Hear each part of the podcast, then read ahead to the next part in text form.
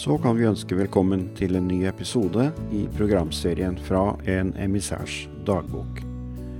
Der Kari Margrethe Renser Løvgren gir oss et tilbakeblikk på legmannsbevegelsens begynnelse, og hva dette fikk å bety for landet vårt.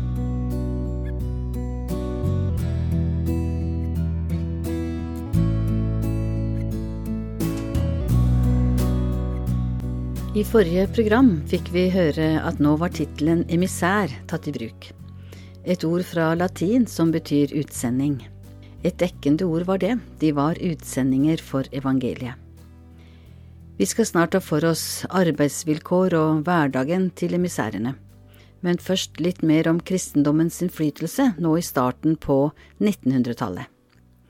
Lekmannsbevegelsen var vel etablert, og hadde, sitat, til dels mange ansatte emissærer som reiser rundt i by og bygd. Og fra Vestlandet ble det meldt om at lekfolk nå var som ei verdinormerende og mektig gruppe i de fleste bygdene. Et resultat av det vestlandske Indremisjonsforbund sitt store virke her.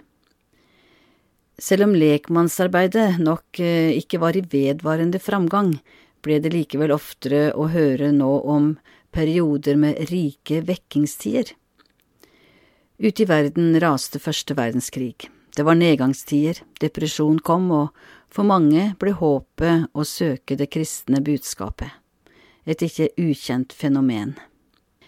Begrepet landsvekkelse blir tatt i bruk under den store vekkelsen i 30-åra. Det følger vekkelse med Lone, ja, slik ble det sagt om emissæren Herman Gabriel Lone, som virka særlig i Vest-Agder. I dagbøkene noterte han antall personer som søkte Gud, eller han brukte uttrykk som ba til Gud, eller bøyde seg for Jesus. I 1916 var dette 263 personer, i 1936 651, og første krigsåret 1470. Ja, det sies at uh, i hans tjenestetid så kunne opptil 15 000 mennesker ha søkt frelse under møtene hans. Følgene av vekkelsene rundt om ga seg nå utslag i bygging av en mengde bedehus. Så å si hver grend i hver dal skulle ha sitt eget, og et større i sentrum av bygdene. Og emissærene trengtes som aldri før. Det første bedehuset i landet ble riktignok reist så tidlig som i 1846 i Stavanger der de fremtredende haugianerne Jon Haugvaldstad og Lars Oftedal hadde sitt virke. Det bor en haugianer i svært mange rogalendinger, ble det sagt. Og nevnes må det at eh, dette bedehuset, ved navn Nygatens forsamlingshus, er fortsatt i bruk, med haugianerhøvdingene i glass og ramme på veggen. Storsatsing var det også på skolefronten, nå rundt år 1900 kom de mange kristne ungdomsskolene, i dag kalt folkehøyskoler, med talende navn som Fredly, Fredtun, Heimsyn osv. En teologisk presteutdannelse på grunnlag av Bibelen og trosbekjennelsen ble nå viktig å få på plass. Et initiativ som i hovedsak kom fra de konservative prestene og lekfolka. Og i 1908 så kunne MF åpne sine dører der indremisjonshøvdingen Ole Hallesby ble en av professorene. Dermed var debatten rundt konservativ presteutdannelse kontra den liberale teologiutdannelsen fra universitetet satt på dagsorden.